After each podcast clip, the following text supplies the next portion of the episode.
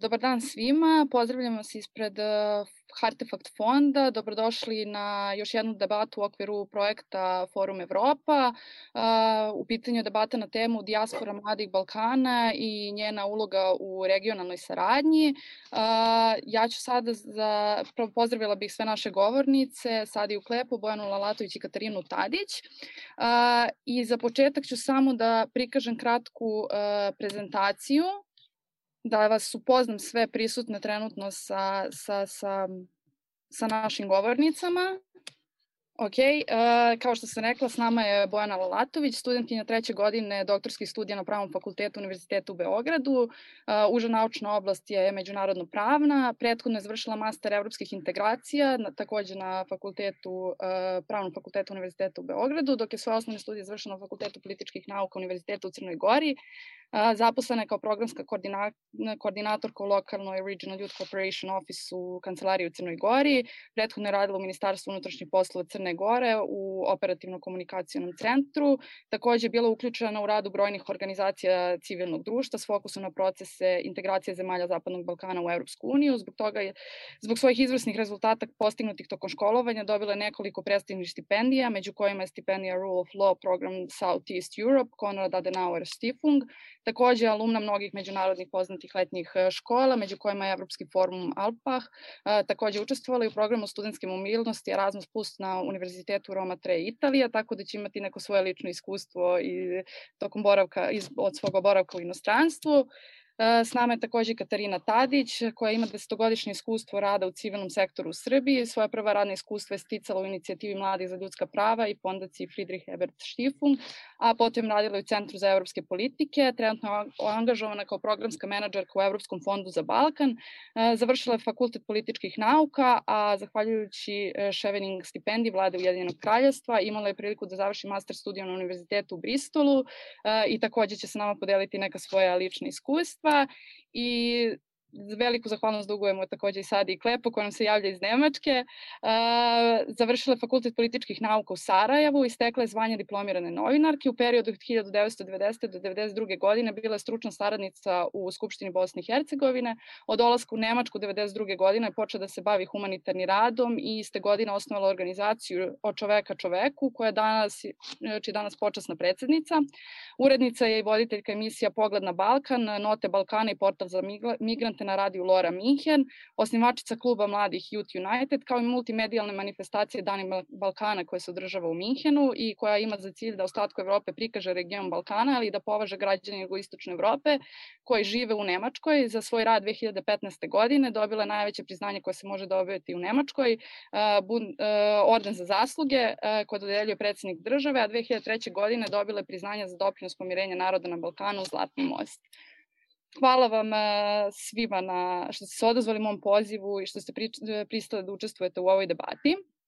E, neka dva osnovna teme, dva osnovna pitanja oko kojih će se ova debata uh, voditi jeste na koji način bi mladi ljudi u dijaspori mogli da budu više uključeni u uh, procese regionalne saradnje i drugi deo posvetit ćemo tome da li i kako dijaspora mladih na Balkanu može da utiče na proces pomirenja u regionu.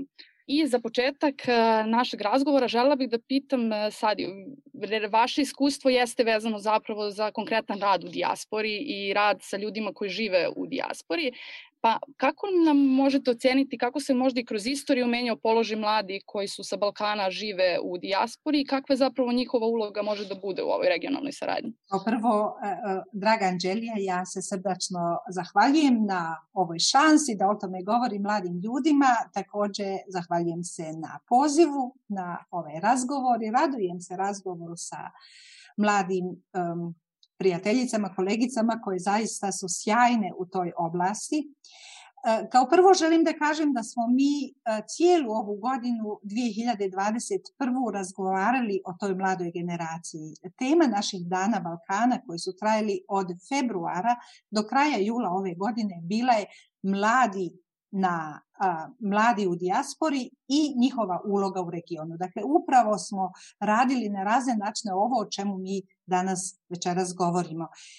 Mi smo ta, ta, tu oblast mladi u regionu uradili na više načina. Uz pomoć jedne uz pomoć jedne predstave. Imali smo mlade ljude iz Bitefa, iz Beograda, koji su napravili jednu predstavu kako u pandemiji korone, kako se mladi ljudi ponašaju, koja, koje su njihove brige i to mladi ljudi u dijaspori i mladi ljudi, kakva je njihova povezanost, kako na različite načine u stvari mladi ljudi reaguju koji su van regiona i koji žive tamo. Zatim smo imali forum mladih ljudi gdje smo razgovarali sa ljudima recimo koji, se, koji su u Štokholmu, u Briselu, u Madridu, u Skoplju, u Beogradu, javili se odsako i oni, njima smo postavili nekoliko pitanja kako mogu pomoći razvitku regiona. Dakle, zaista smo se tim, tim pitanjima bavili i uh, moje, uh, moje iskustvo mi kaže da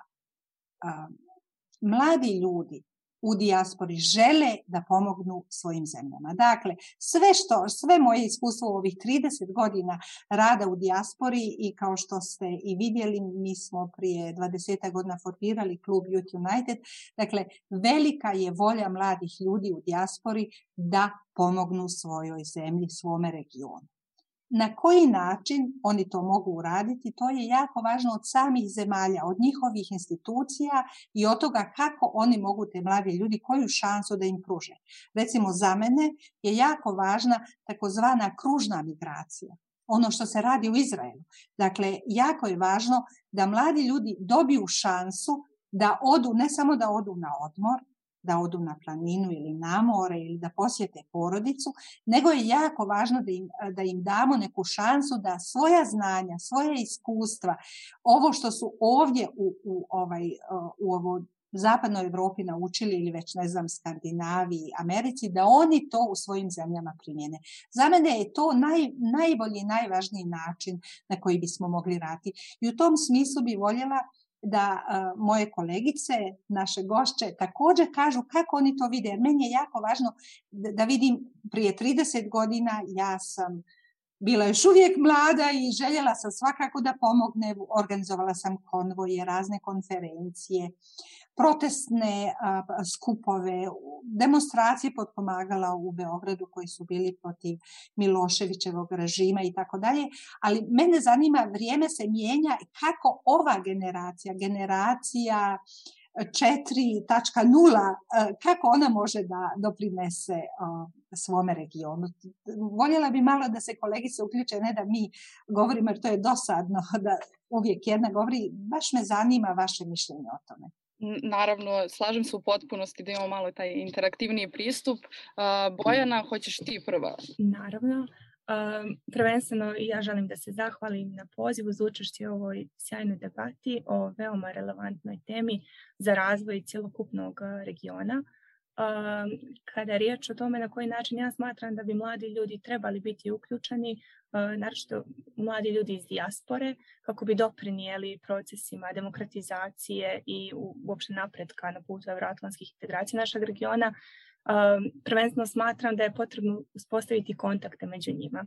Ono što iz perspektive rada u regionalnoj kancelariji za saradnju mladih mogu da istaknem jeste da je vrlo često ovaj kontakt među mladim ljudima opredjeljen njihovom pripadnosti određenoj grupi dakle etničkoj, nacionalnoj, vjerskoj i da su nažalost i dakle toliko godina nakon završetka sukoba i dalje ovo odrednice koje opredjeljuju kako će se ovi kontakti razvijati, da li će se uspostavljati i kako, kakva će njihova snaga na kraju biti. Dakle, da li, da li se radi o pukim poznanstvima i o stvarno dakle, određenim kontaktima koji mogu da doprinesu dobrobiti regiona i razvoju dakle, raznih oblasti djelovanja u kojima su uspostavljeni.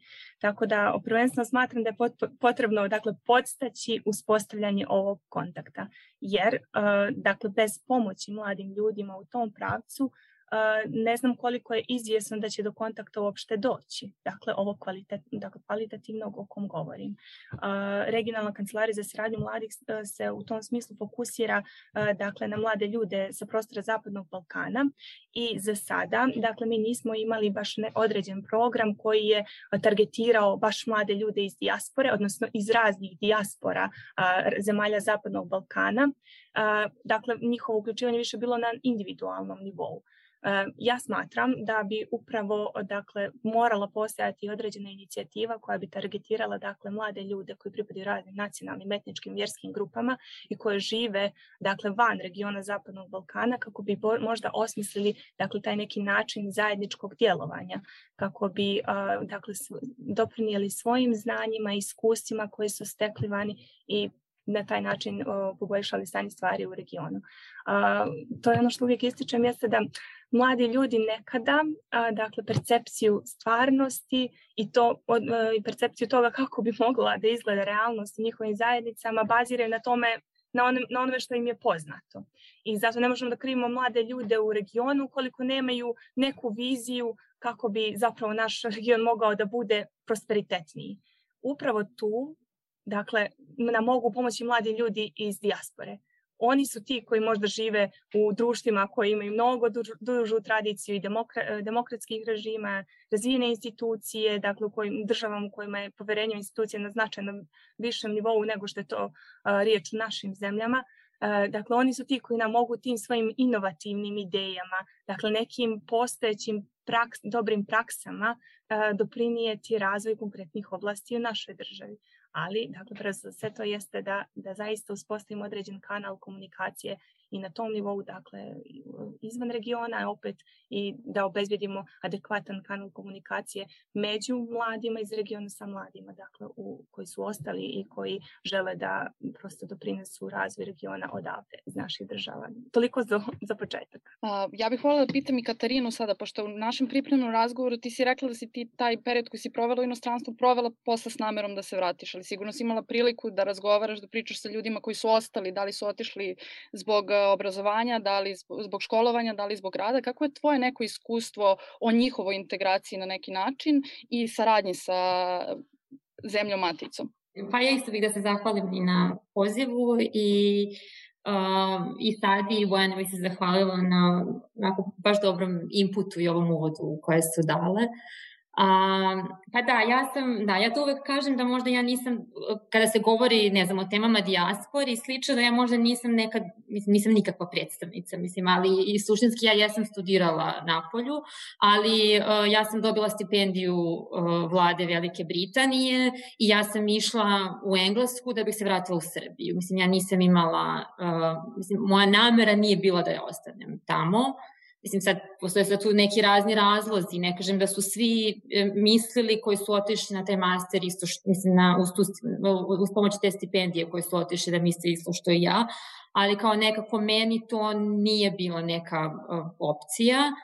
Uh, je, upoznala sam, ja sam radila, mogu kasnije da pričam o tome, radila sam to istraživanje za BIRN uh, u okviru jednog programa koji se zove Resident Voices Fellowship i uh, suštinski uh, radila sam intervjue koji, sa, da kažem, mladim ljudima do 35 koji svi žive u Engleskoj, niko nije tamo rođen, znači svi su otišli u nekom periodu tokom 20-ih iz raznih razloga, uglavnom je bilo studiranje pa su odlučili da ostanu, negde je bilo uh, da su ono, zbog partnera odlučili da se presele tamo, a zatim, zatim ostali ali uh, uvek je ta materija, mislim, u, u, bar sa ljudima s kojima sam ja pričala, je bila ta materijalna strana.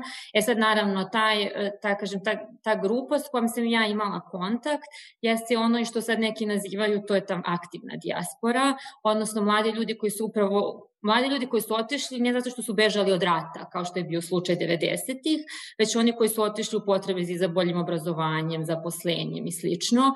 I oni su po nekako po, valjda i po, po svom i obrazovanju i po zanimanju više zainteresovani ovde za dešavanje u smislu da, da su im važan kvalitet upravljanja, pitanje korupcije, kvaliteta života generalno, da su nekako sve to bili razlozi koji su presudili da oni ostanu u tim zemljama gde su otišli možda neki s namerom da budu privremeno, ali su ostali tamo i sada su, par svi s kojima sam ja pričala, su, imaju državljanstvo i ne nameravaju da se vraćaju ovde. Tako da to je, to je ono neko moje iskustvo.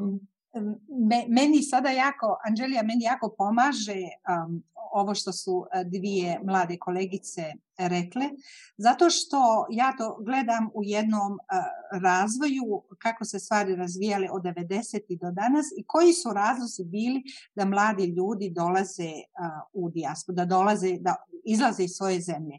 Ti prvo je bio rat, pa su bila pos, poslije ratna zbivanja, nered i sada je zaista materijalna strana i korupcija. Ja imam ovdje ljude koji dolaze, inženjere koji dolaze, ostavljaju stanove, ostavljaju dobro plaćene poslove. To je za mene stvarno zapanjujuće kako ljudi koji su dobro situirani u tim zemljama, bilo da je Srbija, Bosna, Hrvatska, a da dolaze ovdje. I pitala sam ih zašto u stvari najveći problem nije ni materijalni, nego ta nered u zemljama, nema demokracije, demokratije, nema uh, urednog života i nema perspektive. Ja mislim da mladim ljudima treba perspektiva i treba sigurno za njihovu djecu i njihove potomke. I oni u tim zemljama ne vide nemaju nadu. Meni je najgore od svega, recimo u ratu je bilo teško, u Sarajevu svuda je bilo teško, siromaštvo je bilo u Srbiji i tako dalje, ali je bila neka perspektiva.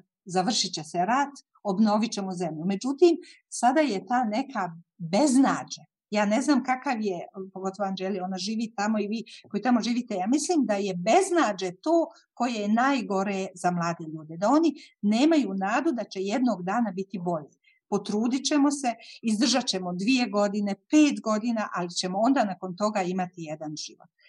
Da, da li je to za vas ovaj problem prije nego što krenemo onda u konkretno uh, u konkretne situacije u kojima možemo zadobiti mlade ljude u dijaspori da se vrate. Jer ako je to beznađe, ako to prevlada, ako ne, ne uspijemo tu da nađemo neko rješenje, onda sve druge akcije nemaju smisla po meni. Jeste, ali ja bih tu dodala još jednu dimenziju, a to je da e, je sada jako prisutan taj narativ da e, to naj, najbolji su otišli i uh, svako ko ono je kažemo, normalan je otišao, što zapravo nas koji smo ostali ovde nam stavlja tu kao neku etiketu to, ili da smo ostali zato što nismo bili dovoljno dobri pa kao ne možemo da odemo, ili da ovde sad pristajemo na neke kompromise na koje neko drugi nije želeo da, da pristane. Tako da mislim da i taj narativ isto pogrešan, Uh, zato što to što je neko ostao ovde ne znači da možda isto nije naj, mislim, najbolji, možda, da nije dovoljno, da nije dobar u, u, onome što radi. I da i oni koji su ostali, a ostalo nas je opet dosta, znači nisu i dalje svi otišli, uh, da, da smo i mi ostali iz nekog razloga. Mislim, slažem se da često postoji beznađe i da to kao teško, kao, ono, kako promeniti stvari, kako da postane bolje, ali mislim da ipak, bar mi koji smo za sada ostali, da tako kažem, ovaj, da mi ipak, ono, da verovatno, ipak duboko u sebi verujemo da ono može biti bolje bez obzira na sve ove trenutne probleme, izazove i frustracije s kojima se srećemo ono, u svakodnevnom životu, ali opet je to individualno, jer ljudi odlaze ili ostaju iz svojih nekih ličnih razloga.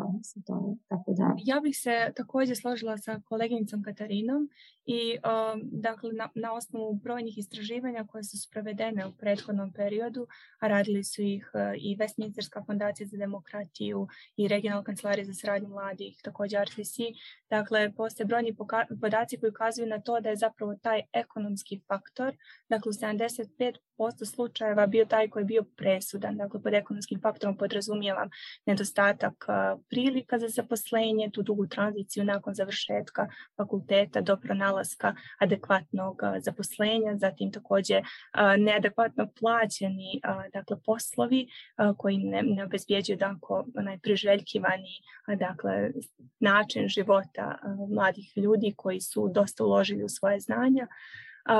Međutim, naravno, nije to jedin, jedini razlog zbog koji, po kojeg se mladi ljudi odlučuju otići. Međutim, ja nekako uvijek razmišljam o tom tračku nade u, u cijeloj priči. Jeste da, dakle, postoje mnogobrojni, dakle mladi ljudi koji bi se željeli vratiti u naše države. I dakle u razgovoru sa njima, dakle brojne moje kolege m, govore prosto jedno, ponavljaju nekoliko, nekolika ključna faktora koje, pod, odnosno uslova pod kojim bi se vratili, to je na primjer da um, prosto ih neko konsultuje o tome na koji način bi dakle oni željeli biti uključeni u razvoj naših država. Dakle, koliko im neko ponudi adekvat, adekvatno zaposlenje gdje bi oni zaista mogli da valorizuju sva ona znanje i vještine koje su stekli tokom studija u inostranstvu, a koja su možda deficitarne na našem tržištu rada. Dakle, ja smatram da postoji, naravno postoji i ona grupacija ljudi koji su otišli iz naše države koji zaista vide svoj život u nekim drugim državama, ali postoji značajan broj mladih ljudi koji se želi vratiti, zato što možda ne želi prihvatiti tu titulu stranca koja je nekako bar ono na, u, tom, u toj početnoj fazi um, adaptiranja sredini u kojoj, u, kojoj, u kojoj su pošli onako neizbježna. Uh, naravno, ono, odlazak, isto tako um, odlučivanje za ostaje našim državama ima i svoje prednosti i mane, ali svakako uh, postoji tu jedna doza satisfakcije da mlada osoba uh, koja posjeduje znanje vještine, ne koristi ih isključivo radi svog profesionalnog razvoja, već dakle, ulaže u razvoj svoje države i u unapređenje dakle, onih prilika i za mlade, za svoje sunarodnike i za uh, uopšte razvoj dakle, svih onih oblasti koje oni smatraju da su problematični u dakle, njihovim matičnim državama ili u regionu. Hvala. Ja bih samo e, jedno, pričali smo sada o momentima povratka iz dijaspore mladih, a ono što mene interesuje, mladi koji su rešeni da ostanu, ali dalje imaju u, u inostranstvu, ali dalje imaju želju da pomognu svojim državama maticama. Evo sad je iz vaše perspektive, vi upravo imate kontakt baš sa velikom grupom tih mladih. Pa kako je vaše, kako, kakve su njihove, da kažem, želje? Šta, kako oni da li imaju neke ideje kako bi mogli, šta im je potrebno da bi se ta njihova neka ideja ili želja ostvarila? Pa, kao prvo, ja vidim, kao prvo što ljude mlade u dijaspori, pogotovo ove koji su duže u dijaspori, malo, to je taj animozitet koji postoji, to moramo prevazići, zati, zati, moramo se jako boriti, taj animozitet, oni koji su ostali, i oni koji su otišli. Mislim da to moramo prekinuti. To je jako štetno za ovaj zajedničku saradnju. Dakle, to su međusobne optužbe. Vi ste, ja znam ranije, vi ste pobjegulje, vi ste otišli iz rata, mi smo morali da branimo zemlju i tako dalje. I sad, kaže, vi ste napustili, izdajice se, a mi smo ostali. Dakle, moramo raditi na tome. Mladi ljudi u dijaspori želje da budu priznati, da kažu mi smo mi volimo našu zemlju isto tako kao oni koji su ostali. Otišli su iz raznoraznih razloga, nisu mogli da nađu posao, nisu mogli da se snađu, nisu imali stan, dovoljno novca, ra, razni su razlozi, ali mislim da uh, ove institucije uh, u, u državama Balkana moraju da se potrude da uh, raznim projektima da pokušamo tu, taj animozitet da prevaziđemo. Dakle, da ne govorimo o mladim ljudima koji su ostali, onim koji su otišli, nego da vidimo kako zajednički se možemo umrešiti, napraviti uh, taj neki uh, necverk, što bi se reklo u Njemačkoj, i kako možemo povezati ljude tako da ne postoji ti animoziteti, da se međusobno razumijemo. Mislim da je to jedan veliki uh, projekat koji moramo napraviti.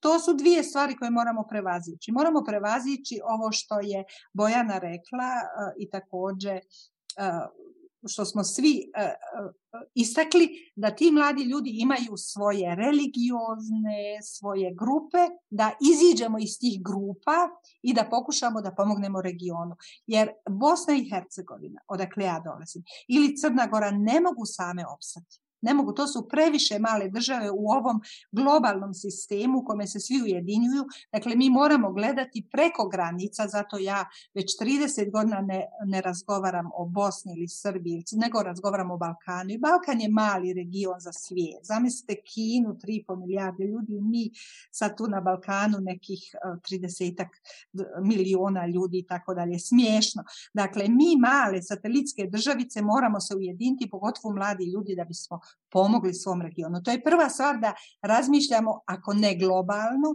a ono regionalno. Da vidimo kako se možemo povezati da cijeli region može napredovati. Za mene je jako su divne vijesti da naši mladi ljudi u robotici, u IT tehnikama, da oni su jedni među najboljima u svijetu. Mi moramo iskoristiti to što djeca i omladne koji su tamo ostali strašno su u toj, u toj branši napreduju. Da vidimo kako možemo to povezati sa dijasporom 4.0, kako možemo povezati dakle taj napredak ljudi ovdje u, de, u takozvanoj demokraciji, jer mi ovdje koliko god moja djeca su već ovdje 30 godina, ali oni nisu, ovaj, nisu oni se uh, adaptirali na ovo vrijeme, nisu oni Njemci. Mi nismo Njemci. Mislim, ja sam zadržala svoje bosansko-hercegovačko državljanstvo, ja nisam Njemica, pošto nisam, neću ni da nosim njihov pasoš, dakle morala bi da predam svoj, da bi uzela njihov, ja to ne želim, dakle 30 godina imam svoj pasoš, mučim se za tim pasošom po svijetu, ali ga ne dam. Sad, su, sad, su, sad je nova vlada obećala da će nam dati dvojno državljanstvo nama iz Zapadnog Balkana, svim državama, tako da se tome radujem, možda ću uzeti ovaj, ako mi ne uzmu moje, ali jednostavno postoji ljudi koji neće da daju ono što je svoje, svoje korijene i tako dalje. Postoji mladi ljudi koji su ostali uporni, nisu potrčali za državljanstvima zapadnih zemalja, ako nije bilo dvojno. Dakle, jako ima dosta patriotizma među mladim ljudima, ima dosta volje na koji način, e, upravo na ovaj način da ih pozivamo da i pozivamo da dođu u, u region, da, da, da pokušamo da, kad, kad se ljudi sastanu, ja sam vidjela na forumu mladih, to imali smo dva mjeseca razgovore sa, sa mladim ljudima iz cijelog svijeta koji potiču za Balkana i svih krajeva, uključili se tu i Bugari i Rumuni, posebno sam sretna, dobrovoljno su se priključili nama da, da ovaj, razgovaraju, jer oni imaju isti problem cijela, pola Bugarske je raseljeno, cijela delta Dunava je raseljena, dakle imaju isti problem kao i mi, odliv mozgova iz, iz, iz, iz njihovih država, iako su u takozvanoj Evropskoj uniji. Dakle, da vidimo kako možemo te mlade ljude zadobiti da svoju vještinu i ono što su oni naučili primjenu u svojim zemljama, a s druge strane kako možemo upotrijebiti te mlade ljude u našim državama, u regionu da bolje, da imaju višu šansu da to svoje znanje i tako dalje da se razviju.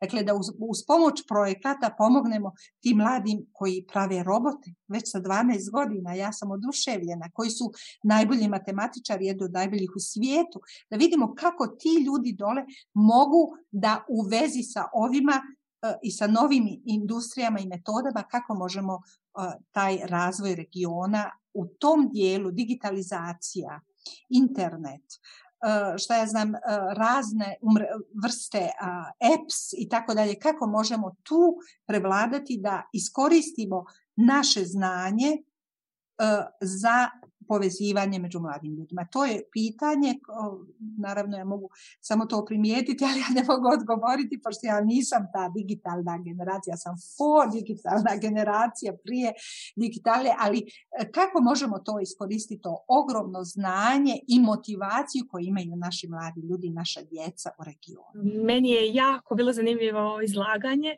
i onako podstaklo me da razmišljamo na nekoliko primjera, e, zanimljiva primjera uključivanja obrazovanja mladih ljudi koji studiraju inostranstvu trenutno. Jedan primjer je trenutno njime rukovodi organizacija crnogorskih studenta koji studiraju inostranstvu i oni trenutno rade na prikupljanju informacija od strane dakle, mladih ljudi koji studiraju vani o tome a, šta je ono što dakle, njih najviše brine u, vezano za a, trenutno stanje stvari u njihovim matičnim državama i na, pod kojim uslovima bi o, oni želi da se vrate dakle, u svoje države. A, zašto ovo ističem? Jest zbog toga što mislim da a, ništa zapravo a, što je kreirano za mlade ljude, što treba da bude za dobrobit mladih ljudi ne treba biti kreirano bez dakle, mogućnosti da mladi ljudi zaista kažu šta njima treba. I zbog toga mislim da su ove konsultacije koje se sprovede sa mladim ljudima ključne, zato što, su, zato što nam je ovakva vrsta inputa ključna za razvoj prilika koji odgovaraju potrebama mladih ljudi. A, dakle, ovo se sprovodi dakle, među studentima crnogorskom inostranstvu, svakako mislim da je dobar primjer i za možda dakle, druge organizacije, nadležne organizacije iz regiona koje se bave studentima, da isto tako na taj način prikupljaju sve relevantne informacije kako bi zaista i dakle, na kraju imali određen produkt koji odgovara onome što mladi ljudi zaista žele.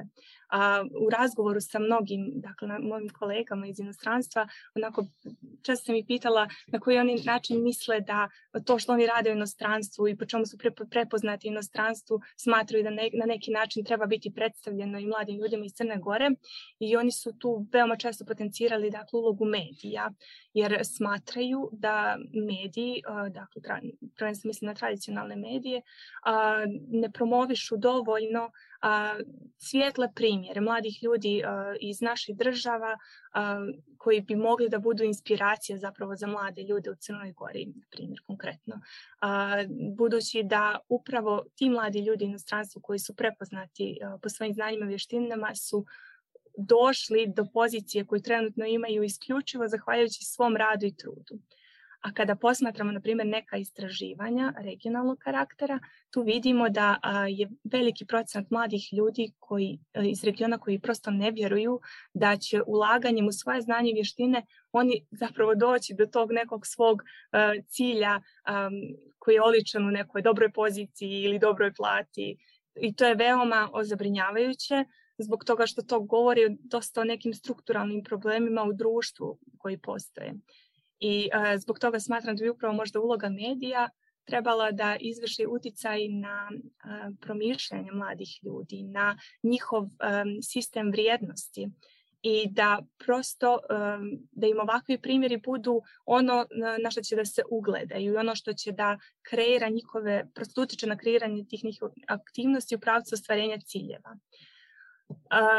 Dakle, upravo zbog toga da, mislim, ovom prilikom baš bih željela jako da naglasim da, da mediji u regionu moraju biti svjesni jake uloge koji imaju, uh, naročito uh, u pogledu razvoja budućih dakle, generacija koje će da opredjeljuju um, unutrašnje i spoljne političke pravce kretanja naših država i da zbog toga, dakle, prosto, ovo je samo jedan od primjera na koji način mogu doprinijeti, ali da zaista, dakle, imaju poseban senzibilitet prema mladim ljudima i da im na neki način kao ključne primjere upravo plasiraju dakle, primjere uspješnih mladih ljudi koji zahvaljujući sobstvenom radu i trudu i uh, uspjeli da dođu do uh, dakle, nekih uh, svojih ciljeva. Hvala. A, sada spomenuli ste, uh, Sadija, da vi se još uvek ne osjećate, niste se odrekli svog državljanstva, teško je mladima da se, koji žive u dijaspori da se integrišu u društvu koje su došli. Uh, ono što me zanima je sada bih malo dobrani krug i, i pitala bih Katarinu koja je zapravo radila to svoje istraživanje gde je uh, zapravo ispitivala o nekim političkim dešavanjima, o tome kako se suočavaju sa određenim stvarima iz prošlosti oni koji žive u, u dijaspori. Uh, pitala bih Katarinu kakve da li misli da možda je tim ljudima koji su se ocelili ili su rođeni, pa posle sad je možete i vi da odgovorite iz vaše perspektive, teže ili lakše da se suoče sa određenim stvarima iz prošlosti i zapravo kako ta, to njihovo suočavanje može da se iskoristi na neki način da se poboljša regionalna saradnja ili da li će to potencijalno otežati njihov položaj koji imaju u inostranstvu? A ja sam, da, ja zapravo dok sam bila na, na, na tom svom masteru, ja sam kao što sam spomenula, bila deo tog programa i radila sam e, istraživanje o stavovima. Ja sam se fokusirala na mlade e, koji su iz Srbije, znači nisam obuhvatila ceo Balkan, ali koji uh, žive u inostranstvu i sad taj moj uzorak je uh, obuhvatio, ali to je bilo zaista mali broj ljudi koji su živeli u tim državama uh, znači manje od dve godine, uglavnom su oni koji su otišli bar pre deset godina, znači iz Srbije i uglavnom već imaju rešeno to pitanje državljanstva, to jest nisu otišli samo da studiraju, već su očigledno tamo da, da ostanu. Um, moja ideja za to istraživanje je zapravo došla iz jednog članka koji je pre toga um, jedna istraživačica Tena Prelec sa Londonske škole za ekonomiju, ona je radila na temu predsjedničkih izbora u Srbiji i uh, zapravo istraživala način na koji je glasala naša mlađa dijaspora na, na tim izborima i onda je tu došao taj rezultat koji je zapravo pokazivao da je dijaspora glasala suštinski protiv kandidata koji je pobedio ovde, to jest dijaspora je većinski glasala protiv Aleksandra Vučića i to je meni bilo zanimljivo jer nekako išlo protiv te neke um, uobičajene percepcije o dijaspori, koja se vidi kao to, da kažem, bastion nacionalizma nekog, uglavnom podržavaju te desne partije, da ne obraćaju pažnju na pitanja korupcije, jer im to nije važno, jer ne žive u ovim državama i slično. I onda je bio taj konkurs za, da se prijavimo za, za to istraživanje uh, koje je BIN sprovodio u okviru tog projekta i, i, ono, i, ja sam prošla i, kao, i radila sam to istraživanje.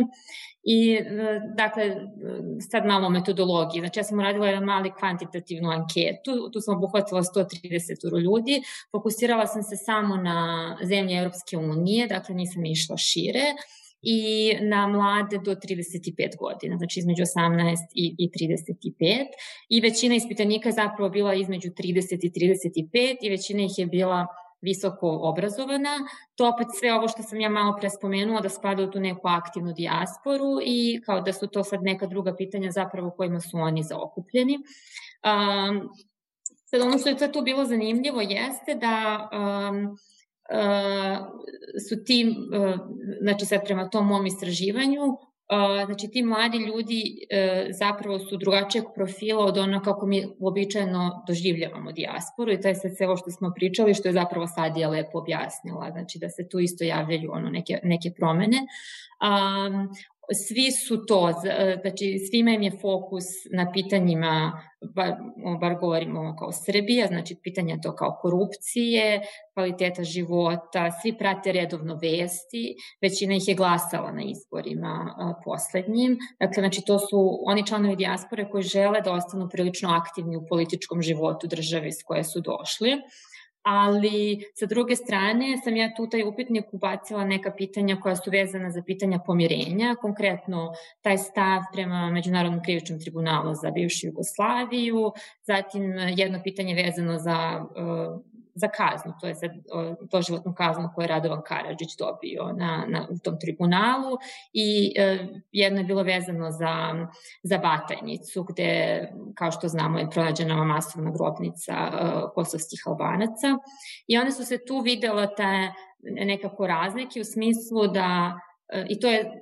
neka i zaključak tog mog istraživanja, da mlađi jesu Dakle, oni jesu više fokusirani na ovo kao ta pitanja, kažem, koja se bave to kvalitetom života. Misle da je pomirenje važno, apsolutno, znači 70 i nešto procenata reklo da je pomirenje važno u regionu, ali sa druge strane kad se malo zagrebe i kad se dođe do tih nekih možda škakljivih pitanja, a, zapravo se vidi da i oni imaju te donekle nacionalističke stavove, što možda nije ni iznenađujuće, jer ja mislim da većinske populacije u samim državama našim imaju nacionalističke stavove, tako da možda ne možemo da očekujemo da dijaspora bude e, drugačija, znači ona zapravo odražava ono što se dešava i u našim državama, ali opet sa druge strane, e, e, znači ja sam radila taj kvantitativno to koje istraživanje anketa, onda sam imala um, intervjue koje sam radila sa, sa nekoliko uh, ispitanika.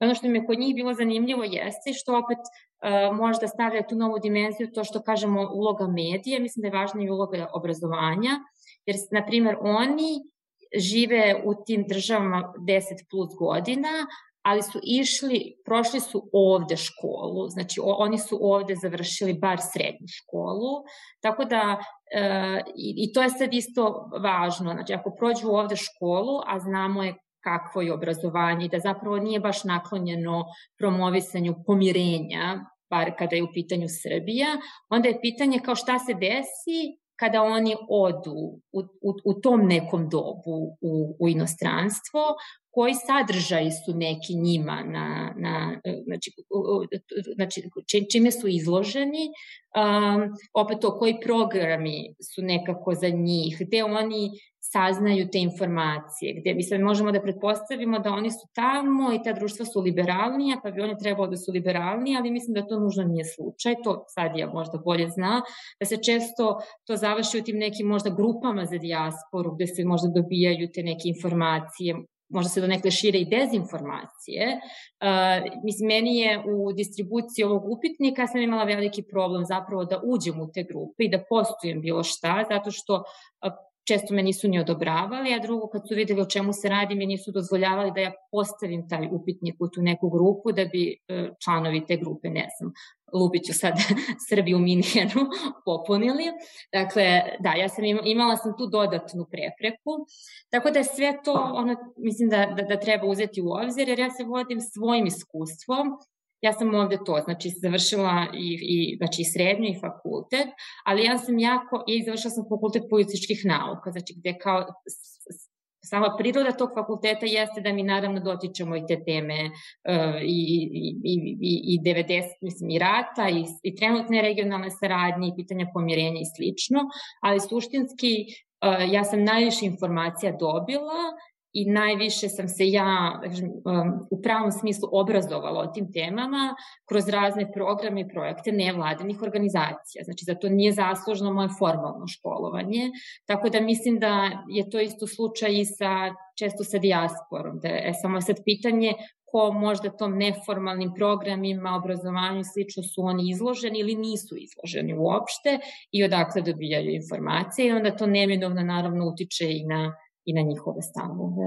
Tako da, eto. A, sad je volila bih sada da čujem vašu perspektivu, jer opet, kao što smo rekli, vi ste neko ko priča iz perspektive sada dijaspore. Da.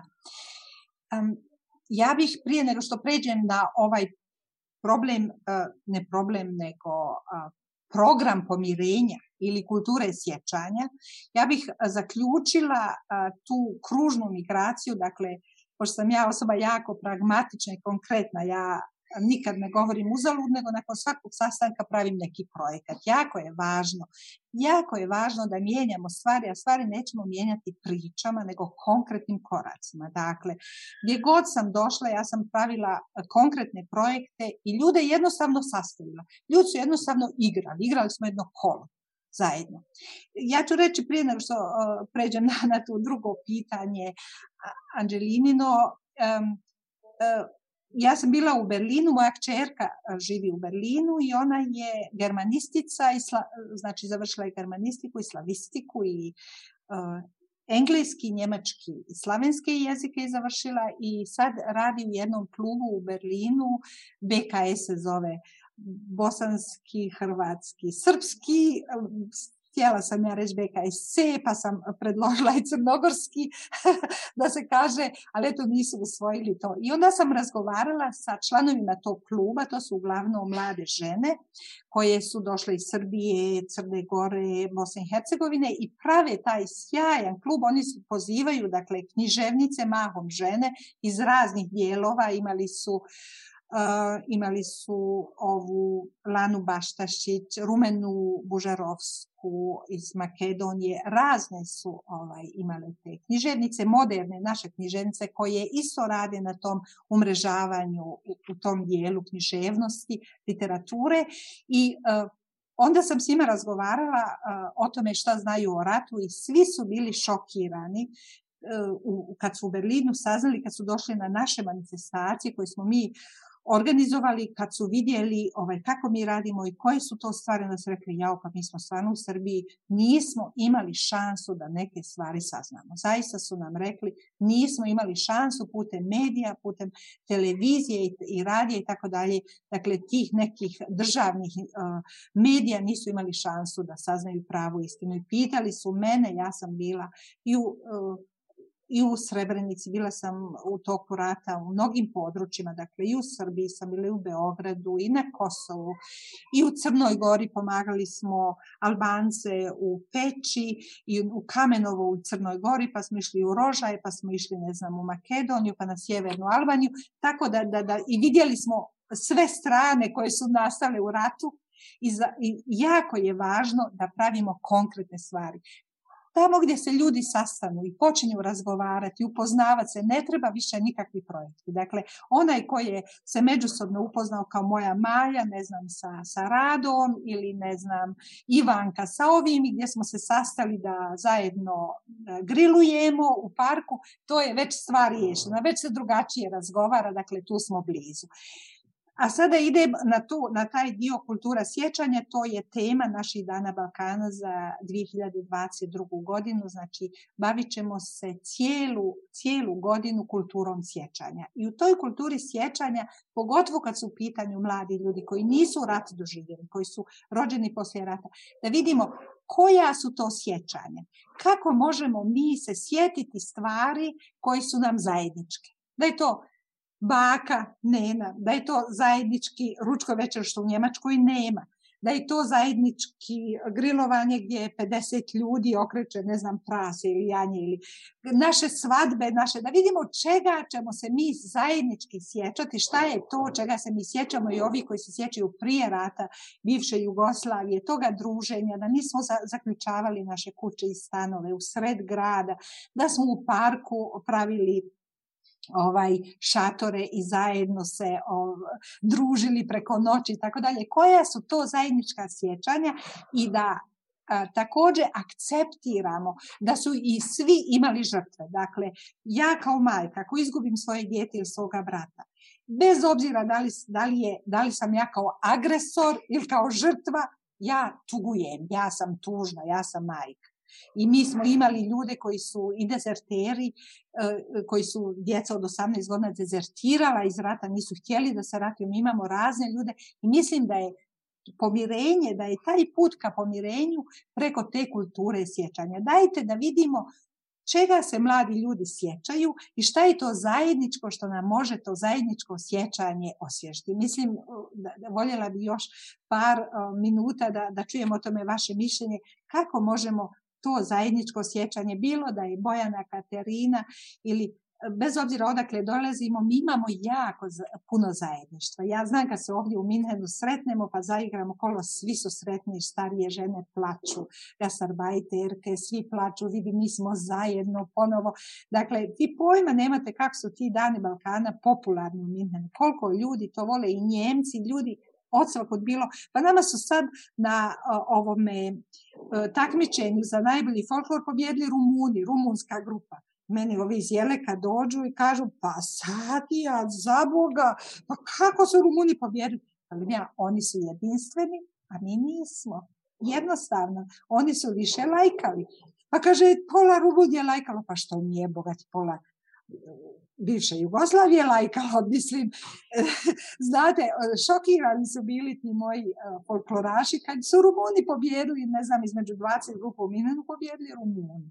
I, I to je za nas bio šok u našem, našem vedberemu. Ja kažem, eto vidite, oni imaju neku zajedničku kulturu, nešto osjećaj zajedništvo, su pobjedili. To ja nisam mogla na to uticati. To je bilo putem Facebooka, putem Instagrama, znači medija. Ja nima, nimalo tu uticaja nisam imala da su oni pobjedili. Ali razmislite zašto su oni pobjedili. Dakle, u tom smislu hoćemo dalje da radimo Dane Balkana, da vidimo kako možemo tu kulturu sjećanja, kulturu zajedništva, pogotovo mladih ljudi razvijeti. Ne, samo sam ja htjela da dodam da to sad nije kultura sjećanja, možda je više to kao kako da idemo ka budućnosti, ali uh, mislim, ali to pitanje pomirenja. Mislim da ja, ja radim u, u Evropskom fondu za Balkan i sad mi se, mi smo regionalna organizacija, sad mi se, ne, nama mladi nisu u fokusu, mislim, mislim, ne, ne, mo, mislim, možemo da radimo sa njima, ali nam kao prosto oni nisu neka određena ciljna grupa, niti smo mi definisani uh, tom, tim radom sa mladima. Ali je baš uh, iz nekog našeg iskustva jako važno um, to da se nekako razume, zajednička nam je ta kao prošlost i ta kultura sjećanja jeste važna, ali isto tako su nam zajednički svi sadašnji problemi. Sve zemlje, koliko god želele da se prave da su drugačije, To je ono što zovu narcisizam malih razlika. Zaista su sve iste, svi imamo iste probleme, samo ono, jedan je problem u manjoj ili većoj meri izražen u nekoj zemlji, ali suštinski naša društva su ono ista. Uh, I tu se doključujem i Albaniju, bez obzira na to što nije bila deo bivše Jugoslavije, a deo regiona, tako da i, i tu zapravo ono, problemi se jako preklapaju. Tako da sa te strane, mislim da je tu to isto važno, naći način na koji povezati um, mislim, ljude koji se, ono, možda, mi, mi sad to pokušavamo, znači ljude koji su nekim svojim lokalnim zajednicama, malim bore, da učine tu svoju zajednicu, ne znam, da imaju ne znam, bolju vodu za piće ili da ne znam, im poprave put ili slično, ali koji pokazuje možda taj entuzijazam i nadu za koju smo na početku spominjali da je nema, onda kako te ljude onako bolje uvezati, kako ono, omogućiti da oni čuju jedni za druge i da je zapravo i u ovom regionu ostalo oni koji su spremni da se bore da uh, za neko, da tako kažem, bolje sutra, koliko to zvučalo kao kliše, ali da, to je, mislim da to isto kao deo te priče pomirenja, um, to da, da shvati to, da tu smo, isti smo, imamo iste probleme i kao da vidimo šta zajedno možemo da uradimo. E, spomenula si sada da to, tu smo, imamo probleme, delimo određene probleme. Sad ono, ono što bih volila da znam, rekla si ne uključujete toliko da radite sa mladima, ali uzimajući obzir da je naša tema upravo kako mladi mogu da, da prinesu, volila bih da vidim, evo sad od Bojani i od, Katarina, od tebe Katarina, kako mislite da su te neke konkretne prakse koje bismo mogli da uključimo koje uključuju i dijasporu i one koji su ostali ovde, kako to da mladi budu ti koji će biti nosioci nekog budućeg sistema vrednosti, pa samim tim i nosioci nekih promena da dođemo do nekog boljeg sutra koje, kao što kaže, zvuči kao kliše, ali svi mi želimo da ga iskusimo, tu smo i želimo da iskusimo to bolje sutra.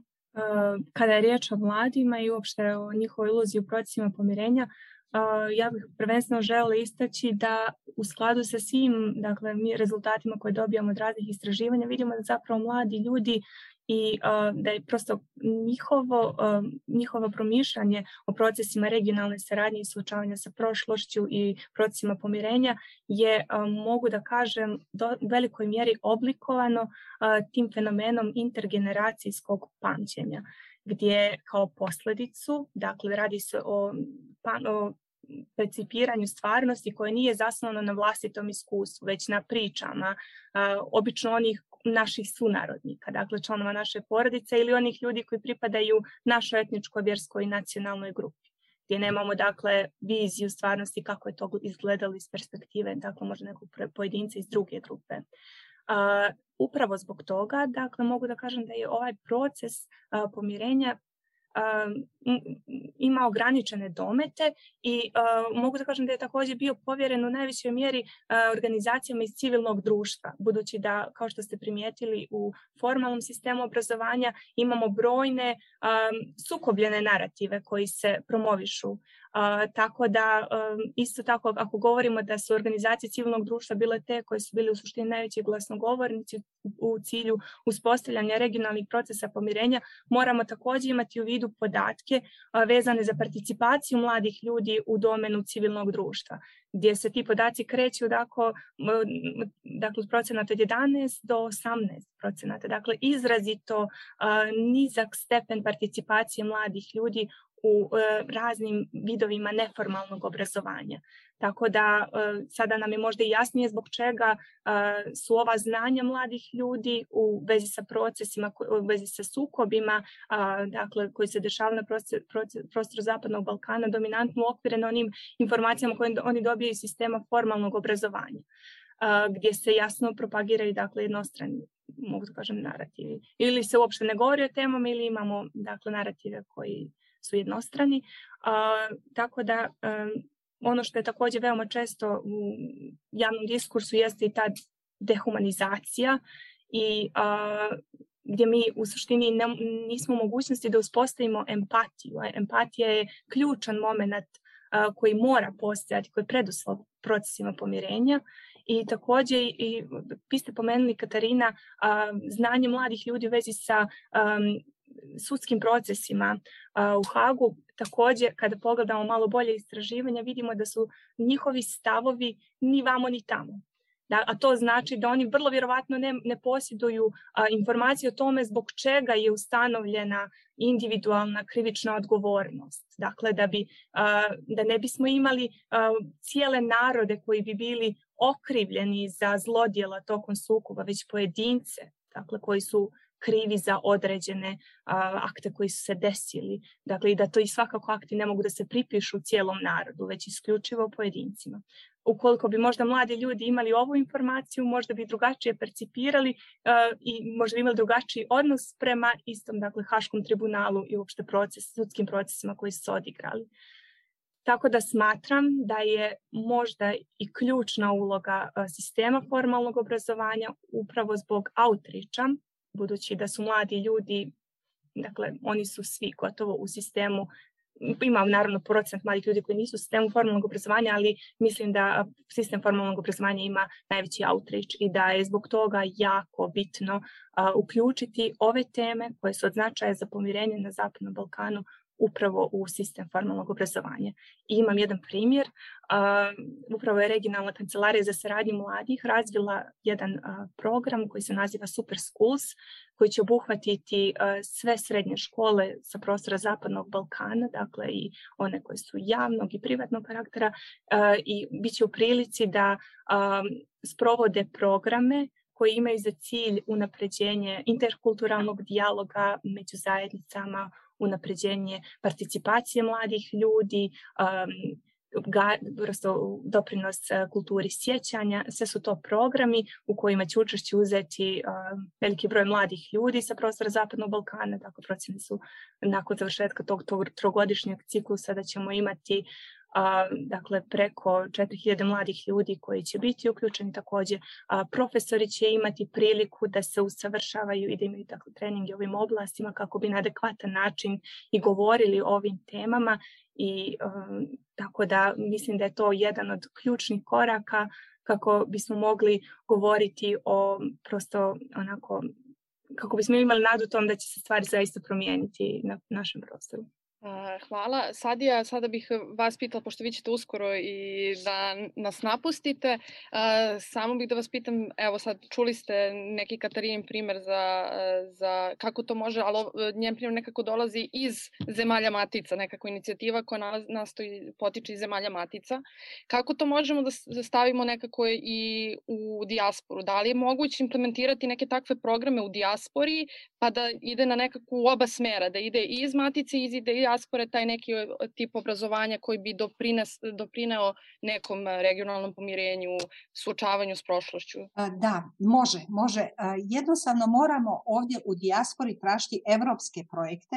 Moramo tražiti projekte koji povezuju dijasporu. Postoji sad u Njemačkoj, zove se GITS, znači Gesellschaft E, društvo za, za zajednički rad i e, ima posebno odjeljenje formirano prije godinu dana dijaspora. Mislim da tu imamo šansu zajednički sa uh, partnerskim organizacijama iz matičnih država i više država, upravo sam to htjela sad predložiti, da pravimo projekte u kojima ćemo mlade ljude koji su ovdje u dijaspori povezivati međusobno i također povezivati ih međusobno u zemljama Balkana, znači u zemljama regiona. Mislim da je to jedan projekat, evo sad mi na um pada, kad se sjetim tog um, našeg ministarstva njemačkog, mislim da bi oni to podržali ako bi smo mi recimo iz Crne Gore i recimo Anđelija iz Srbije, neko iz Bosne i Hercegovine i mi ovdje koji se bavimo, imamo jako puno organizacija koji se bave uh, mladim ljudima, Youth United, razne folklorne grupe i tako dalje, da vidimo koji su to organizacije koje se mogu uh, pa, partnerski povezati, koje nisu samo ili religiozne ili etničke, nego koje su malo interkulturalne, imamo sve više i više tih organizacija i da se povežemo i da pravimo takve projekte. Za mene je recimo sjajna stvar, mi imamo ovdje um, Sašu Stanišića, to je književnik naš koji piše naš iz Bosne i Hercegovine, koji piše na njemačkom jeziku, koji je napisao knjigu koja se zove Herkunft, porijeklo. Odlična je knjiga, samo to meni, sam. Da, meni da, je da. ta knjiga primjer kulture sjećanja. Meni, ja kad čitam tu knjigu, on je meni knjigu posvetio, on je bio na prvim danima Balkana kad nije bio poznat, 2007. bio je naš gost u Minhenu i jako, smo, jako ga dobro poznajem. Jednu od prvih knjiga je meni posvetio, tak sam bila sretna kad mi je za Sadiju poslao knjigu. Ovaj, meni je ta knjiga primjer, morate to čitati Anđelija i ako niste i Bojana, to je primjer te kulture sjećanja. Jednostavno priča, priča o njegovoj baki, o njegovoj nani, priče koje, koje, koje je tako ovo čemu si ti Bojana rekla, o, izvinite što ja govorim ti, vi, vi možete biti moja djeca, oprostite. Dakle, Bojana, dozvoljavaš Bojana. To, to upravo ovo čemu si govorila, ta empatija, to shvatanje, razumijevanje drugog njegovu patnju, njegov način razmišljanja, njegove preduslove u kojima je odgojen. Ako neko nije mogao znati e, šta se dešava, pa je saznao, pa ne, nemoj, nećemo ljude prisiljavati da se sjećaju. Dajte da nešto, sve ono, sve je u životu emocija. I učenje jezika je emocija i prilagođavanje integracija. Ja stalno govorim njemcima, vi ne možete brati integraciju jer nemate emociju, nemate empatiju. Oni meni kažu, lepo, vi ste previše emocionalni, hvala Bogu, kažem ja, pa ja sam čovjek, a vi ste robot. Dakle, ne može jedan robot praviti integraciju. Integracija podrazumije podrazumijeva empatiju. I ta interkulturalnost sa mladim ljudima, to je problem mladih ljudi. Oni su previše na internetu, oni su previše odvojeni od, od, od međusobnog uh, spajanja. To, to su veliki problemi. Recimo u Japanu je napravljena studija u kojoj uh, mladi ljudi smatraju da je uh, seksualni kontakt konkretni kontakt, life, da je to prljavo i nije lijepo, da je puno ljepši virtuelni kontakt. To je jako opasna stvar. Dakle, mi se suočavamo sa otuđenjima što se tiče u ovom doba interneta, sa tim otuđenjima, a imamo mi dodatna otuđenja na Balkanu između religija, između država, između generacija i tako dalje. Mi moramo to sad na brzinu sve prevazići dok normalni ljudi sad imaju međugeneracijski problem i problem interneta, digitalni problem, mi imamo još više problema pošto smo podijeljeni, pošto smo imali to ratno iskustvo koje, čije sjenke su do danas vidljive, kao što je rekla Katarina ili Bojana, ne znam, s time da, da slušamo priče starih ljudi i meni to jako ljudi, ljuti kad te priče umjesto da spajaju, e, te, te priče nas razdvajaju. Mi moramo ići zajedno, da idemo i mi moramo nas razumijeti, mi imamo jedan jezik, jednu tradiciju, gostoprimstvo, ima toliko stvari koje nas mentalitet, svi imamo isti mentalitet, ovdje ja kad ga vidim uh, za onim šankom, ja kažem eno da Balkanac, na kace. Ono on kaže, nisam ja Balkanac, ja sam Hrvat. E, ja, ja, ja velim, ja vidim ti po, po, po svakom ponašanju, bacio si sad opušak dole, vidim da si Balkanac.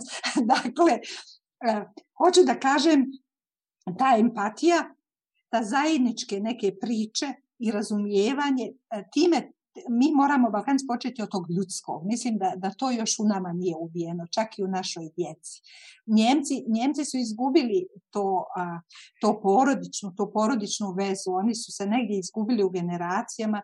Ja kažem, ovaj, imam zeta Njemca, a živjela sam 20 godina sa Njemcem koji nažalost umro, jedan veliki prijatelj Balkana, jedan divan čovjek, dr. Hutner, koji je razumio i volio Balkan i jako puno pomagao u tom pomirenju, u tom interkulturalnom, bio je profesor pedagogije i, i, i psihologije, dakle doktor nauka, jako je puno pomogao meni da shvatim neke stvari, jer ja sam isto došla iz rata, ja sam isto tako povrijeđena, meni je isto kuća srušena u sred Sarajeva, ali mi je jako puno pomogao da shvatim neke stvari i da tu, uh, tu interkulturalnost i tu refleksiju u sebi uh, razvijem tako da nemam nikakvih animoziteta, dakle da volim ljude bez obzira odakle dolaze. I da razumijem i Rumune sa delte Dunava, isto kao i Bugare, ne znam, iz Varne i tako dalje, da da ne kažem naše Makedonce i ostale ljude. E, dakle, ta, moramo, moramo pokušati da pravimo takve projekte i ja bih odmah predložila, naša organizacija je spremna, ja sam spremna u okviru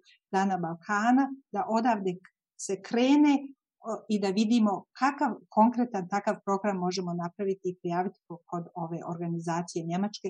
Tu vidim veliku šansu. Hvala vam puno, Sadija mogu da kažem da je to bilo u toku ovog razgovora jedno divno iskustvo imati nekako tu perspektivu iz inostranstva od nekog ko živi jako dugi niz godina i pritom radi sa a, mladima u Nemačkoj, a Nemačka svakako predstavlja jednu od, da kažem, i najvećih dijaspora a, zemalja, ne samo Zapadnog Balkana, nego čitavog Balkana. Tako da, evo za kraju još jednom bih vas pitala, to, je, to jest, ako imate da, šta biste poručili kako mladima u dijaspori, tako i mladima koji žive na Balkanu, št, koju poruku, da tako kažem, imate sada za njih? Moja poruka je jasna ja sam, kad sam došla u Njemačku prije 30 godina primijetila da ti gasarbajteri koji su ovdje došli, iako su pravili dole kuće, oni nisu ovaj, imali neku pravu vezu sa tim svojim uh, porijeklom. Nisu, nisu pravili te kontakte. Ja sam i svoju djecu i svoje unučad i ja lično nikad se nisam odvojila od tog kraja. Dakle, ne postoji par mjeseci u kojima ja nisam u Beogradu, Sarajevu, Skoplju, imam veze i tako dalje.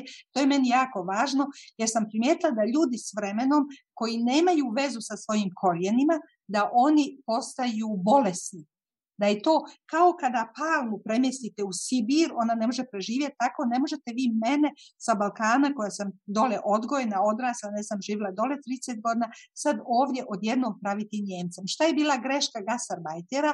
Oni su pravili ili paralelno društvo, neki i nikad nisu ni naučili jezik, niti pokušali u tom društvu nešto da, da učestvuju, ili su pokušali da budu Njemci. A ja sam odbila da budem Njemac, ja sam prvi dan rekla ja sam bosanka, muslimanka, uzmi ili ostavi. I, I zbog toga sam dobila sve nagrade.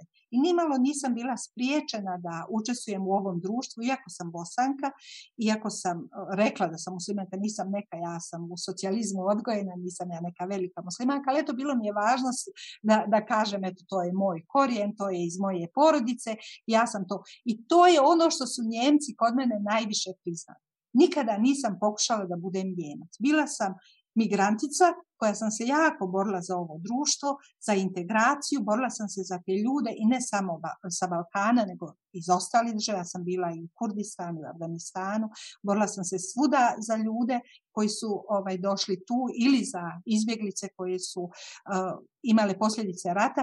Dakle, moje, moja poruka ljudima je nikada um, omladni, nemojte gubiti svoje korijene. Ono što radi Stanišić putem književnosti, ono što radi BKS na našem jeziku, ne kažemo BKS jezik, sad smo našli neko rješenje u Berlinu, ili što ja radim danima Balkana ovdje, hajde da vidimo da ne zaboravimo, iako ovdje živimo, iako smo Njemci, mislim imamo njemački pasoš.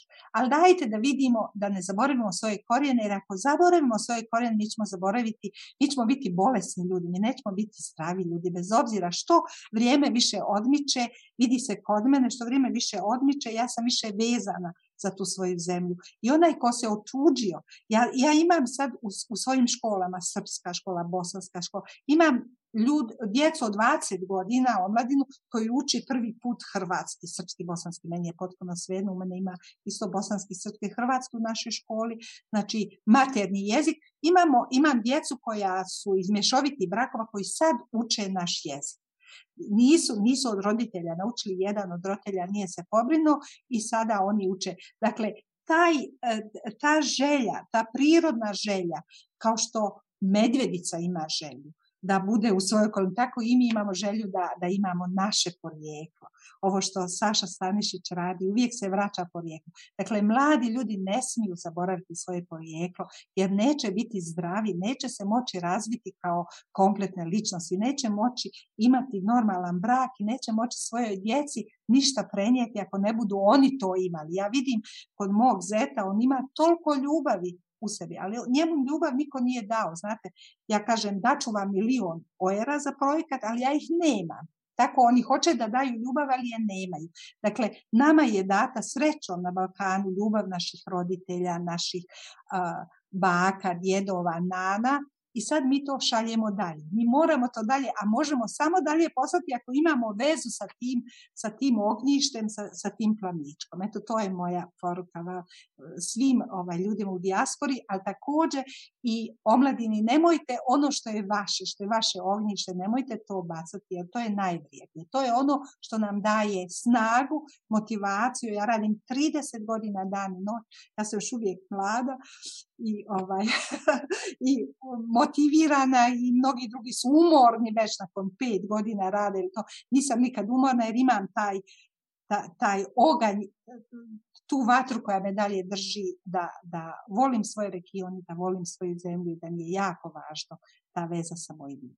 Sadija, hvala vam još jednom na vašem učešću. Pustit ćemo vas sada da žurite na, u, u emisiju, tako da pustit ćemo vas sada i još jednom hvala vam puno na vašim pričama i iskustvu koje ste podelili. Hvala, hvala puno i puno uspjeha vama u vašem radu. Ja bih sada naravno žela još malo da nastavimo e, diskusiju na ovu temu i žela bih sada da se dovežem, da se vratim par koraka unazad pre nego što smo se razgovarali sa Sadijom ovih poslednjih par minuta, jeste, uh, Bojana spomenula si uh, taj neki uh, da mladi nisu svesni individualnih nekih odgovornosti koje su postojali, koje postoji koje se sudovi koji donose odluke za individualnu odgovornost u sukobima uh, 90-ih. Uh, pa me zanima zapravo uh, postavila bih pitanje Katarini na to što je Bojana rekla.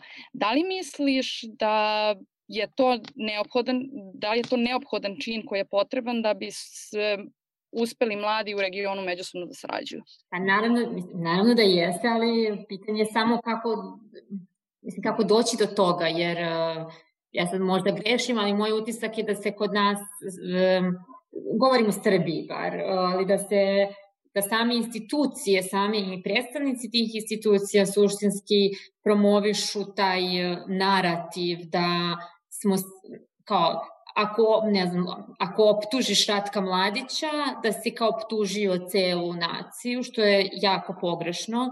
Mislim, to smo videli sad poslednji put kad su bile sve ove deklaracije o genocidu koje su se usvajale e, u Prištini, pa je bilo u Podgorici. Reakcija na to u Srbiji je bila kao da je to usmereno protiv celokupnog e, srpskog naroda, da tako kažem, što je, mislim, apsolutno pogrešno. Jer, mislim, nije... Uh, Postojali su sudski procesi, upravo to da bi se dokazalo čija je odgovornost za šta, to nije bilo suđenje celokupnim nacijama, narodima, kako god ih zvali. Tako da taj narativ je čak suštinski opasan je i, i samo produbljuje dalje podele, jer onda i nekim mlađim generacijama stavlja na teret i, i, i njima daje odgovornost za nešto za, za što oni, ono, nisu ni bili rođeni kada se to dešavalo, a, a, kamali šta drugo. Tako da, da, mislim da to jeste suštinski preduslov, sad kako doći do toga, mislim, evo mi sad, ja sedim u Beogradu, nam policija čuva mural Ratka Mladića. Mislim,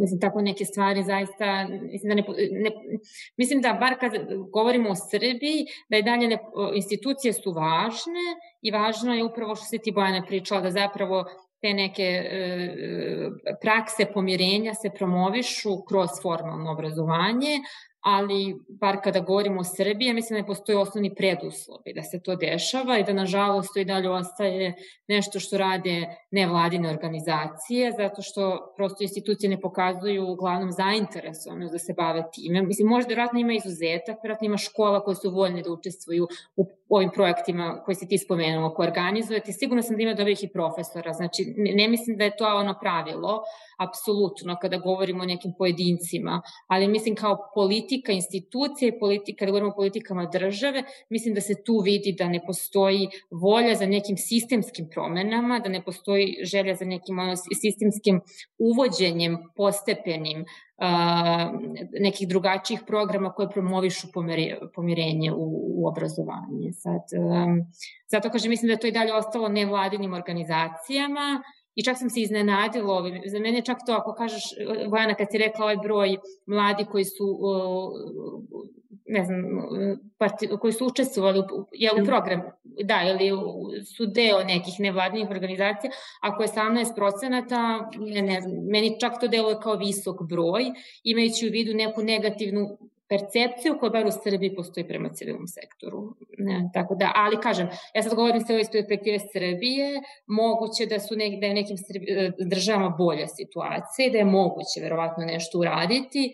Ovde bar moj stav je da je trenutno teško. Bojana, ti radiš u organizaciji koja se zapravo bavi, bavi e, regionalnom saradnjom upravo mladih. Kakve su te neke prakse i zapravo kakvu vidiš perspektivu neku budućnosti za regionalnu saradnju i umržavanje i možeš slobodno da dodeš i kako vidiš uključivanje dijaspora i da li to moguće? Dakle, da, regionalna kancelarija za saradnju mladih upravo e, teže doprinijeti sveobuhvatnim procesima pomirenja na način da uključi mlade ljude.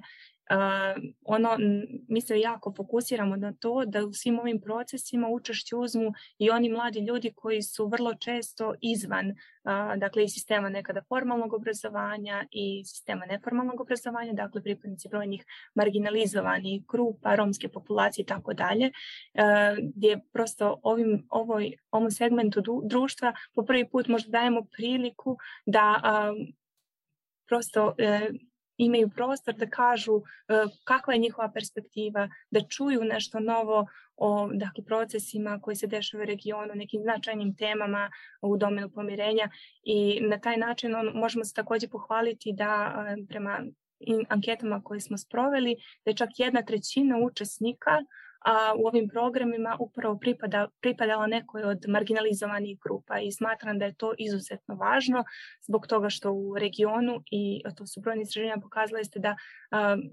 uglavnom imamo te takozvane usual suspects, dakle mlade ljude koji su svugdje zastupljeni i koji su zaista, koji imaju dovoljno znanja i kompetencija i a, kojima je na neki način i ljetnje škole i učešće na konferencijama i seminarima na neki način postaje prilika za jedno sjajno putovanje budući da su osvješćeni o svim ovim temama. I upravo zbog toga jako bitno, bitno naše djelovanje u pravcu uključivanja u sve ove procese upravo mladih ljudi koji po prvi put čuju za ove teme. A, takođe, ono što, po čemu se tako, rad regionalne kancelarije za sradnju mladih izdvaja jeste da a, mi težemo uključiti mlade a, e, ljude u raznim procesima, dakle u radnim procesima i fazama. A, dakle, bilo kada je riječ o konsultovanju mladih ljudi a, prije nego što dakle neki značajan regionalni projekat otpočne, dakle u vezi sa tim a, šta je ono što oni u konkretnom slučaju žele, dakle da vide prilikom implementacije programa, zatim ih takođe uključujemo u jednoj fazi implementacije naravno недавно. Ali ono što po čemu je, mislim po čemu smo jedan od rijetkih primjera jeste da u, strukturi regionalne kancelarije za saradnju mladih postoji upravni odbor koji je koji funkcioniše na principu co-managementa. Dakle, u ovom upravnom odboru osim predstavnika vlada zemalja Zapadnog Balkana takođe su prisutni mladi ljudi, dakle po jedna mlada osoba svih zemalja i sve odluke se donose na bazi konsenzusa. Dakle, i u tom ključnom tijelu koje predjeljuje strateške odluke i strateška kretanja regionalne kancelarije za saradnju mladih, mi dajemo priliku mladim ljudima da usmjeravaju ove procese i da na kraju dana odlučuju o tome kako, koji će biti prioriteti regionalne kancelarije za saradnju mladih u narednom periodu. Smatram da je potencijal, dakle da mladi ljudi imaju sjajan potencijal i ono po čemu se naročito izdvaju svakako su inovativne ideje. takođe, iako nekada nam se čini da oni imaju dakle, određen stepen um, netolerancije, da upravo na način da im obezbjedimo informacije, da ih uključimo. Dakle, to je prvi korak kako se njihova svijest i njihova e, perspektiva može promijeniti i na koji prosto i oni na taj način i dobiju mogućnost da na upravo ovako konstruktivan način doprinesu razvoju stvari.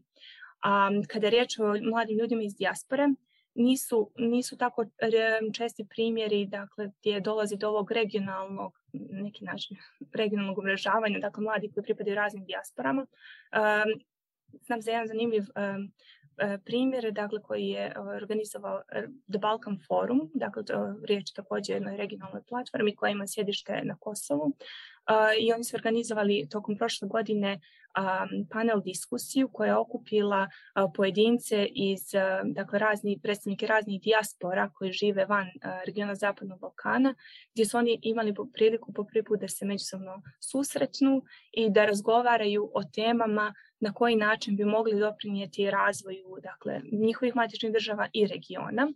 I smatram da je to možda jedan od značajnijih primjera dobre prakse budući da se svi ti kontakti uglavnom zadržava i na nekom ličnom i profesionalnom kontaktu među pojedincima, a gdje u suštini ne postoji nikako zapravo udruženo djelovanje dakle, mladih ljudi iz dijaspore koji imaju kako veliki potencijal da doprinesu razvoju našeg regiona. I za kraj bih samo pitala još Katarinu, da li ona smatra da dijaspora, e, da, da li ona smatra da su dijaspori krije taj potencijal i za prevažilaženje od tih određenih, to jest za suočavanje s prošlošću, za ne, u, kakav je njihov potencijal zapravo u tom procesu pomirenja. Ja, Bojana je tako sve lepo rekla i onako pozitivno da možda bolje da završimo sa Bojanom. ja sam vam tako malo kritičnija i, i da. E, Pa, a, mislim da definitivno postoji potencijal i mislim da su i same države to prepoznale. Dakle, a, e, ne znam, znam za Srbiju, to dok sam ja još bila u Engleskoj, da su isto počeli ti pokušaji da se okuplja, e, da se okupljaju mladi baš iz dijaspore a, i da se onda sa njima nekako dođe možda do, do predloga na koji način njih, ako ne vratiti po neke od njih u, u, u, u državu, onda bar kako ih uključiti, kako oni da doprinesu nekom daljem da li razvoju, ne znam, brendiranju, promociji možda nekih politika, projekata i tako dalje državu u inostranstvu. Znači, definitivno postoje ti pokušaj, kod nas to mislim da UNDP dosta radi, Um, tako da mislim da definitivno postoji potencijal, da treba, upravo zbog toga što vidimo da sve više mladih ljudi odlazi, tako da zapravo mislim da je sasvim logično da, ono, da, da, se oni, da se nađu mehanizmi kako da se oni uključe, ali ne znam da li je jedna država na Balkanu zapravo došla do toga, do, do upravo nalaženja pravog mehanizma ili instrumenta da na najbolji način kako da kažem, is, da, možda je ružna reč iskoristi, ali da zapravo nekako baš da, ono, da, da, da da najbolji na, mogući način te njihove i veštine i znanje i kontakte i možda poziciju u tim nekim drugim društvima iskoristi za benefite naših država, Uh, i, a istovremeno i da da neki dodatan osjećaj tim pripadnicima dijaspore da se pitaju, da su uključeni, da je državi stalo do njih. Tako da mislim da mislim da je stvarno to ključno i e, ovo što smo prethodno pričali da se nekako i zatvori taj jaz između oni koji su ostali i oni koji su otišli, koji mislim da, da je isto prisutan, ali, ali da, da, mislim, definitivno mislim da, da treba samo to, naći pravi način, što verovatno nije lako i sigurno je proces, ali dobro, pozitivno je da je bar to prepoznato i da je počelo da se radi na tom. Hvala vam puno uh, na učešću u debati, ja ne bih da vas zadržavam više, mislim da smo imali jedan veoma interesantan razgovor.